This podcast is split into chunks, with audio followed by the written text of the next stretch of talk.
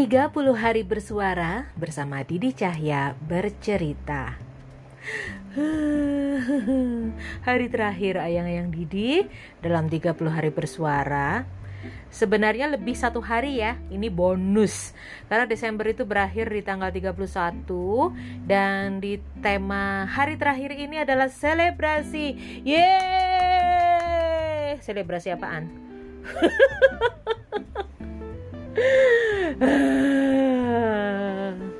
Aku tuh sampai buka KBBI loh untuk mengetahui selebrasi itu apa sih gitu. Karena yang aku tahu selebrasi itu perayaan gitu.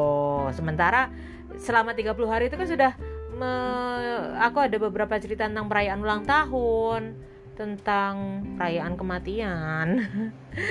Terus aku tiba-tiba yang eh perayaan apa nih? Perayaan tahun baru dan aku baru sadar seumur hidup aku merayakan tahun baru itu paling beberapa kali ya. Beberapa kali itu dalam artian aku nge-MC atau aku uh, sama pasanganku dulu-dulu gitu ya. Uh, nemenin dia kerja atau uh, apa ya? Ya, bukan bukan gini bukan satu perayaan yang kita bikin satu acara khusus untuk merayakan perpindahan tahun, uh, berkumpul, berpesta gitu. Aduh, sekali doang. Waktu itu aku masih di Semarang, dan itu pun karena uh, waktu itu statusku sama dia pacaran nggak ya? Aku lupa. nggak deh kayaknya. Kan biasa putus nyambung itu ya karena ada undangan merayakan tahun baru di cafe dia ya sudah aku rayakan sama temanku. Itu aja sih. Sama kalau ngemsi aku pernah ngemsi di instansi sebenarnya. Dan oke-oke aja ngemsi di situ. Udah. Terus aku mau cerita apa nih tentang perayaan tahun baru? Ah karena gini ayang-ayang Didi. Uh, dulu waktu masih single itu aku merayakan tahun baru tuh selalu di rumah. Nggak pernah pergi. Awalnya karena memang sama orang tua aku nggak diizinin ya dulu waktu masa mudanya gitu ya. Itu sama orang tua aku memang nggak diizinin. Keseringan nggak diizinin itu bikin aku jadi ya sudah gitu. Tahun baru ngapain? Nggak ngapa-ngapain. Jadi santai setelah kuliah perasaan aku juga nggak pernah tahun baruan ya karena seingatku tahun baru itu kan uh, bebarengan sama libur Natal dan tahun baru. Dan itu biasanya untuk para uh, ini apa sih? Sampai blank Pokoknya orang-orang tuh pada mudik kan kalau Natal dan Tahun Baru. Jadi ya aku akhirnya mudik ke Surabaya gitu. Jadi ya ya kalau udah di rumah, udah di Surabaya itu aku tidak tidak diperbolehkan oleh orang tuaku untuk merayakan tahun baru. Jadi nonton TV lagi, nonton TV lagi. Yes, kayak gitulah itu waktu zaman kuliah terus zaman kerja. Nah iya. Ah ingat. Zaman kerja beberapa kali aku ya siaran. Lah ngapain lagi orang pekerjaanku emang penyiar ya kan? Ya aku baru ingat. Jadi eh, beberapa kali aku merayakan tahun baru itu di kantor hanya berdua dengan operator. Karena memang gak ada orang lain. Ya ya ngapain juga sih mereka ke studio kalau mereka bisa merayakan tahun baru dengan yang lain. Tapi aku pernah ingat ya, ya Allah ini aku jahat banget. Jadi uh, waktu itu studio tempat aku siaran selama eh, aku bekerja selama lima setengah tahun di situ itu tuh tempatnya ada di pusat kota persis di pusat keramaian tahun baru so can you imagine kalau kita merayakan tahun baru di studio ore tiup-tiup trompet gitu sama operator ya produser atau siapa yang mau nemenin lah gitu ya. Itu ya ya gitu-gitu aja dan mau nggak mau ya daripada nggak bisa pulang ya nunggu sampai subuh sampai terang baru bisa pulang. Itu yang terjadi selama beberapa tahun waktu aku bekerja di radio di pusat kota terus berikutnya di radio yang aku beberapa tahun itu tidak ada perayaan tahun baru tidak ada ya tidak ada tetet toet di studio. Abis itu pernah sekali aku kan cuma setahun ya di satu jaringan radio Jakarta hanya satu tahun.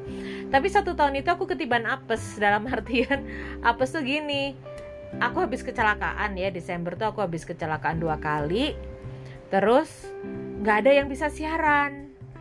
Sementara ya ya tinggal aku lah di situ yang aku sebagai newbie di situ ya akhirnya di kamu bisa siaran tahun baru ya? Ya oke okay lah dengan kaki pincang berdarah-darah gitu karena habis kecelakaan aku siaran ditemani oleh mbak terapisku mbak Titi Surya yang dia mang aku puktur segala macam jadi aku ditemenin di studio. Uh, kebayang gak sih? Siaran sendiri di studio yang rada horor. Nggak rada horor itu horor banget. Yang membuat aku bisa ngomong jadi rada tuh karena aku kan nggak terlalu peka. Aku hanya bisa merasakan tapi nggak bisa ngeliat. Jadi itu itu saat-saat siaran paling mengerikan menurutku karena berada di gedung segede itu tidak ada orang ya paling sama ini doang ya. Uh, security aku lupa. Siaran sendirian jadi ya mau lari juga nggak bisa. Karena kakiku pincang kakiku luka habis kecelakaan itu. Itu itu aja sih. Tidak ada yang aku rayakan. Dan terakhir tahun baru 2020 ini akhirnya aku merayakannya di Sutos ya. Aku niatin sore itu aku sudah ngopi di situ habis itu aku maraton movie tiga tiga film aku tonton sendiri karena waktu itu juragan harus standby di tempat dia kerja. Jadi perayaan tahun baru yang bagi orang-orang itu sesuatu yang sifatnya istimewa berkumpul bersama keluarga bakar-bakar jagung bakar-bakar daging bakar-bakar apa menurutku lama-lama menjadi sesuatu yang tidak istimewa karena aku memang tidak merayakan pergantian tahun ya pergantian tahun aja. Yang membedakan adalah acara televisinya bagus-bagus itu aja. Tapi bagus pun relatif. Maksudku biasanya kan yang artis-artis toet toet toet gitu tuh menurutku berisik gitu. Aku nggak mendapatkan sesuatu. Justru tahun ini aku ngerasakan tahun baruku eh, lumayan nih. Salah satu stasiun TV ada rally movie gitu kan. Ah ya deh di rumah. Jadi di saat orang-orang tuh siap-siap bakar-bakar terus siap-siap uh, apa trompet mercon kembang api gitu ya. Ya aku merayakan tahun baruku dengan menyiapkan cemilan menyiapkan apa ini aku udah nyiapin roti tawar. Udah nyiapin eh, cemilan-cemilan yang yang paling nggak bisa mengganjal perutku. Dan aku sudah bercita-cita ya sudahlah kalau misalnya aku nanti lapar aku uh, bikin mie instan aja seperti biasa sesimpel itu perayaan tahun baruku jadi uh, ini sebenarnya ada kaitannya dengan kenapa aku tidak merayakan tahun baru. Bukan semata-mata karena aku tidak ada teman untuk merayakan, atau semata-mata karena aku tidak punya apa ya namanya, nggak diundang di acara-acara emang nggak ada yang undang juga sih. atau karena aku tidak suka keramaian, ini memang nggak suka keramaian gitu. Tapi kenapa aku tidak merayakan tahun baru? Ini lebih kepada makna tahun baru bagiku tuh mungkin berbeda sama tahun baru orang-orang lain. Tahun baruku itu adalah saat aku dilahirkan. Jadi setiap aku ulang tahun aku selalu mengucapkan Happy New Year to myself. Serius, beneran. Jadi alih-alih aku mengucapkan selamat ulang tahun untuk diriku, aku lebih banyak mengucapkan selamat tahun baru Didi Cahya gitu. Selamat tahun baru Ning Dia, selamat tahun baru Dia Sri Cahya Ning Tias gitu ya ketahuan nama asliku. Jadi aku memaknai tahun baru itu hanyalah pergantian angka dari 2020 ke 2021 dari 2019 ke 2020 sementara Tahun baru bagiku itu adalah tahun di saat aku memulai kehidupanku. Memulai kehidupanku tuh bener deh hitungannya Korea tuh bener deh. Jadi seandainya kamu lahir tahun seri, uh, tahun 2000, ya kamu kan ruhmu sudah dinafal uh, ditiupkan sebelum kamu lahir. Jadi dia ngitungnya setahun.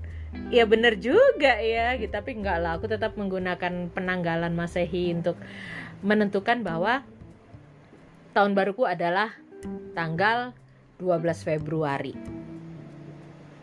Itu tahun baruku. Dan siap-siap satu setengah bulan lagi aku harus minggat untuk nyepi. Mungkin ada yang-yang Didi yang mau endorse ini apa namanya uh, voucher hotel kali ya lumayan nanti aku review deh di podcastku. untuk aku minggat tanggal 12 Februari. Atau mungkin ayang-ayang Didi mau ngasih aku kado di tahun baruku itu nanti. Aku aku dulu pernah punya cita-cita gitu ya. Aduh kenapa sih ulang tahun gak ada yang ngasih aku panci gak ada yang ngasih aku pisau satu set gitu yang landep gitu ya. Karena aku ngerasa hmm, aku kan sekarang pengangguran kerjaanku masak gitu. Dan setahun selama 2020 ini aku sangat menyadari bahwa passionku tuh bukan masak aku benci banget masak.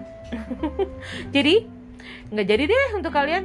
Nggak usah patungan untuk ngado uh, alat-alat masak. Ngado ini aja merchandise-nya BTS aja eh tapi asli aku ada akun Instagram ada Sofinya juga yang maskernya. Dia dia bikin fan artnya nggak cuman BTS ya tapi uh, K-pop gitu. Keren-keren aku pengen. Jadi kalau kalian mau ngadu itu daripada kalian salah tanya tanya aja dulu ke aku. Shopee-nya apa di? Ntar aku aku kasih tahu. Maya yo aku iku yo. Tapi that's okay. Ayang-ayang Didi mau merayakan tahun baru atau tidak mau melean atau tidur jam 10 malam mau uh, party. Kalau sekarang lu party jangan ketemu gue selama satu bulan. Bener asli gitu ya. Jam 8 malam udah uh, apa namanya jam malam kalian malah party. Enggak deh. Jadi rayakan tahun baru ini dengan selebrasi yang memang biasa kalian lakukan kalau kalian biasanya dalam pergantian tahun sholat malam, lakukanlah. Ngaji sampai katam, lakukanlah. Kalian yang berkumpul bersama keluarga untuk melakukan persekutuan doa, berdoa bersama, lakukanlah. Karena 2021 ini akan lebih berat. Jadi, ayolah bijaklah gitu loh kita memanjatkan doa kepada Yang Maha Kuasa di tengah malam, di tengah pergantian tahun supaya kita dikuatkan menghadapi tahun berikutnya yang penuh tantangan. Menurutku perayaan atau selebrasi seperti itu akan lebih bermakna, akan lebih diingat apalagi untuk kalian yang selama ini bertahun-tahun party, party, party setiap pergantian tahun. Coba deh, ini mumpung, mumpung gak dibolehin party, doa aja bareng di pergantian tahun ini Insya Allah nanti selebrasi pergantian 2020 ke 2021 ini bisa lebih berkenan untuk kalian semua ya. Yang yang Didi tetap semangat ya untuk merayakan pergantian tahun. Semoga nggak nggak ada apa ya rasa kayak gini loh. Ya lu sih di, lu kan memang nggak biasa ngerayain, jadi ya kalau misalnya nggak boleh rame-rame ya lu lu santai aja, tenang aja ya iya juga sih. Tapi kenapa sih kalian nggak nyoba untuk sesuatu yang berbeda? Ya udah telat juga. Ini udah aku waktu bikin podcast ini udah malam udah mau pergantian tahun. Tapi biasakan untuk selebrasi-selebrasi apa pun itu apakah pergantian tahun apakah ulang tahun apakah apa pun yuk kita prihatin dulu. Kita lebih baik merayakannya dengan berdoa dengan mengasah spiritualitas kita supaya ke depannya semuanya bisa lebih lancar. Kebayang gak sih vibrasi kalau orang seluruh dunia berdoa di pergantian tahun? Bukannya hura-hura party-party. Aduh, itu frekuensinya getarannya tuh bisa sampai ke langit. Let's do it, ayang-ayang Didi. Mari kita lakukan yang berbeda dalam selebrasi di pergantian tahun yang sekarang, di perayaan ulang tahun kita nanti, di apa pun yang kita rayakan di 2021. Oke? Siap untuk menghadapi 2021? oh iya, sekalian aku pamit ya dari 30 hari bersuara karena ini memang episode yang terakhir, episode ke-31. Tapi awas kalau habis ini Januari kalian mening meninggalkan Didi Cahya bercerita, awas. Karena Didi Cahya bercerita masih ada Senin sampai Kamis dengan empat tema yang berbeda. Uh, kok aku sampai lupa ya programnya apa aja? Senin random Selasa Asa, Rabu Halyu, dan Kamis Mistis Romantis. Dan kalau ayang-ayang Didi mau gabung, silakan. Uh, follow dulu dong Facebooknya Didi Cahya di Ningdia atau Instagramnya Didi Cahya di Didi Cahya. Nanti kalian DM kalau misalnya ada cerita dari empat kategori itu yang menurut kalian di ini bagus deh untuk konten kamu. Ayo kita berkolaborasi. Oke? Okay? Selamat tahun baru ayang-ayang Didi. See you next year. Enggak deh, kayaknya kamu dengerin ini pas udah 2021 deh. Sampai ketemu lagi. Bye.